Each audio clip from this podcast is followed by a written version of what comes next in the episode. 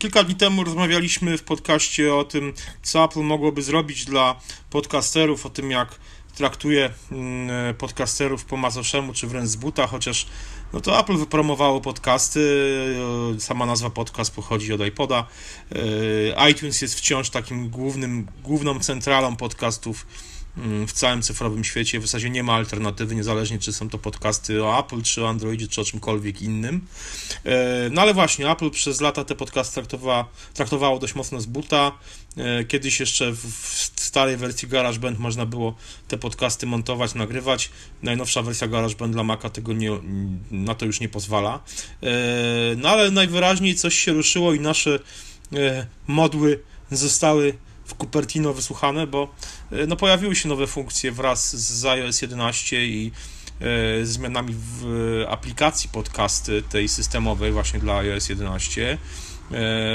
Znalazły się kody statystyk, które no po prostu zliczają różne ważne dla podcasterów informacje, między innymi e, nie jest to już tylko ilość pobrań danego podcastu, ale też to, czy podcast został w całości osłuchany, czy nie, których fragmentów e, słuchacze, które fragmenty pominęli, e, czy ewentualnie w którym miejscu po prostu przestali danego odcinka słuchać. To są... Coraz bardziej tą analitykę YouTube'ową to przypomina mm -hmm. i bardzo na plus. Mm -hmm. Mhm. No właśnie, tutaj yy, te, te, informacje oczywiście one są zanonimizowane, czyli nie można ich yy, przypisać do konkretnego mm, słuchacza, ale te informacje no, pomogą przede wszystkim yy, poprawić pewnie podcasterom jakość tych podcastów, czyli będą wiedzieli na przykład, że jakieś tematy, które są w tych podcastach poruszane są na przykład pomijane, albo jakieś fragmenty stałe podcastu są Y, są na przykład y, często pomijane i będą mogli to po prostu zmienić, a skupić się na tym, co no, cieszy się większą popularnością. Ja nie ukrywam też, że te informacje będą też bardzo ważne dla reklamodawców, zwłaszcza tych, którzy już reklamują się w podcastach, bo będą mieli wgląd, mieli, będą mogli sprawdzić, czy tak naprawdę te reklamy, które się znajdują w podcastach, nie są czasem przewijane, e, skipowane, jak to się mówi, po prostu do następnej części podcastu. E, także te informacje z jednej strony mogą no, trochę mm, namieszać i pozytywnie i negatywnie na tym, na tym powiedzmy, w tym podcastowym grajdole, w ten sposób bym to określił, czyli z jednej strony e, potencjalni reklam, podcasterzy, ale też potencjalni reklamodawcy dostaną jakby no, lepsze dane dotyczące ilości odsłuchów, e, tego właśnie jakby jak słuchacze reagują na te podcasty, co się dzieje właśnie z tymi reklamami w podcastach. No i tutaj może się okazać, że na przykład jacyś podcasterzy, którzy mm, dotąd zarabiali na reklamach w podcastach, nagle stracą, no bo okaże się, że na przykład podcasterzy, e, słuchacze nagminnie omijają te fragmenty z reklamami. Tak też może być. Mhm. Jacek, co ja o tym przyznam, myślisz? że na przykład jednym z moich ulubionych podcastów jest e, Song Exploder, taki gość z Los Angeles zaprasza muzyków, aby powiedzieli o swojej jednej piosence, opisali jak ją produkowali i tak dalej, i tak dalej. No i on ma zawsze strasznie dużo tych reklamodawców, tych reklam w ogóle na początku. Opowiada, że sponsorem odcinka jest ten i tamten i siamten. No ja już zacząłem to przewijać, bo po pierwsze e, te firmy głównie oferują swoje usługi w Stanach Zjednoczonych, no tak. więc nawet jakbym chciał, to nie mógłbym z nich skorzystać.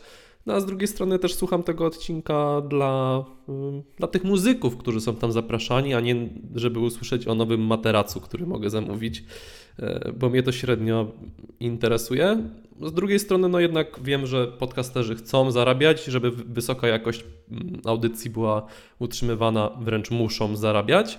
E, no więc nie wyobrażam sobie, żeby na przykład korzystać z jakiejś funkcji wycinania tych reklam i tak dalej, no ale bardziej gdzieś tam przewijania to myślę, że jest to dużo bardziej uczciwe. Mhm. No ciekawy jestem, ja bardzo jestem ciekawy tego, jak Apple właśnie rozwiąże ten cały problem, jak... Yy, znaczy, czy, czy posunie, czy pójdzie dalej po prostu, czy doda kolejne jakieś e, możliwości e, analizy tego, reakcji słuchaczy, ale przede wszystkim ja czekam na, na, na takie usprawnienia, które no, pomogą podcasterom tworzyć te podcasty, czyli czekam na dobrą aplikację na Maca albo na przykład na iOS-a też do tworzenia podcastów, do miksowania. Na iPadzie jest mhm. kilka takich programów, ale nie są to programy od Apple.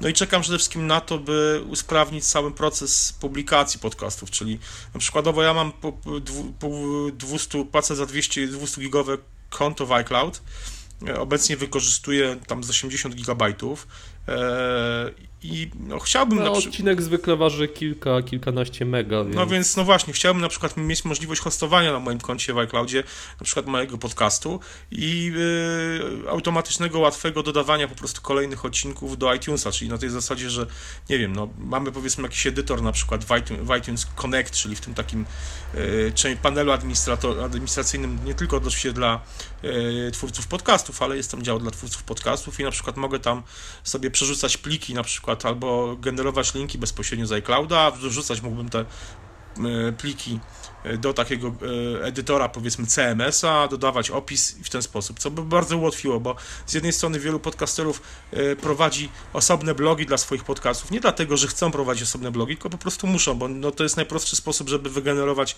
taki feed RSS-owy, który potem e, szczytuje e, iTunes, prawda? Muszą te pliki hostować Mhm. na swoich serwerach, więc ja na przykład płacę za, za hosting tylko po to, żeby trzymać e, nagrania powiedzmy diabelskich, prawda? No bo e, no muszę gdzieś je trzymać, nie, nie mogę ich trzymać na Dropboxie na przykład, bo Dropbox jak raz próbowałem to zrobić właśnie przez Dropboxa, to po prostu mi zablokował usługę. Jak masz 10 słuchaczy, to spoko, Tak, ale... no, no właśnie.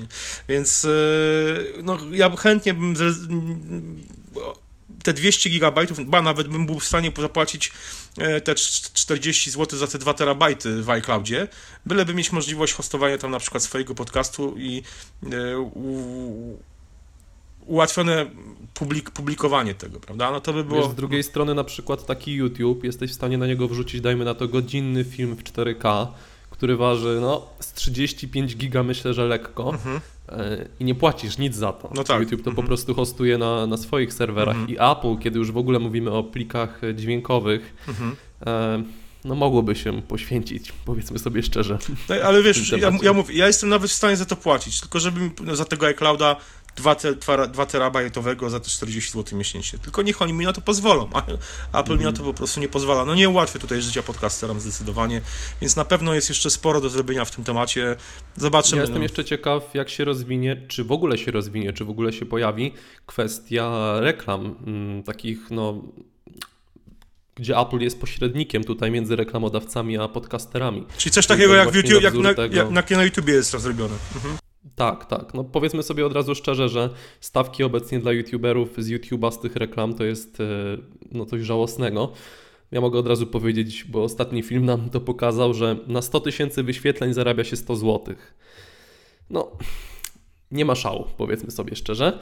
E, No ale wiadomo, lepsze to niż nic, oczywiście. Jasne, no i oczywiście. ciekaw jestem, czy Apple by coś e, w tym temacie nie mogło zdziałać, no bo mali podcasterzy, czy też podcasterzy z krajów, gdzie reklamodawcy nie są zainteresowani podcastami, jak na przykład w Polsce, no przydałoby się takie wsparcie i z Apple też by na tym mogło zarobić tą Tylko wiesz, prowizję. tylko pytanie, czy wiesz, to nie byłoby trochę jak z e, AdSense'em od Google'a, czyli na zasadzie takiej, że jednak no, na podcastach polskich e, Apple musiałby mieć reklamodawców z Polski. A ci No tak, na pewno. kolejne, Mhm. skoro ci nie, nie są zainteresowani specjalnie reklamowani się w podcastach, to wiesz, w ten sposób byliby zainteresowani reklamowaniem się. I pewnie stawki też Mhm. by były niższe niż na takich podcastach amerykańskich, prawda, które mają tam, nie wiem, setki tysięcy, prawda, od, Mhm. odsłu- odsłuchań. Także no trudno, trudno wydaje mi się tutaj znaleźć jakiś złoty środek. Ciekawi mnie tylko po prostu to, czy Apple pójdzie dalej i faktycznie e, ułatwi e, zadanie podcasterom jeszcze bardziej, nie tylko dodając statystyki. Dajcie znać w komentarzach, co wy myślicie. E, Pewnie dla większości z was temat jest może obcy, no bo wy jesteście jednak z drugiej strony i e, jesteście słuchaczami. Czy dla was e, takie ułatwienia podcasterów też są ważne, czy, czy, no, czy nie ma to po prostu dla was znaczenia? Czekamy na wasze komentarze. I do usłyszenia już jutro. Trzymajcie się, cześć.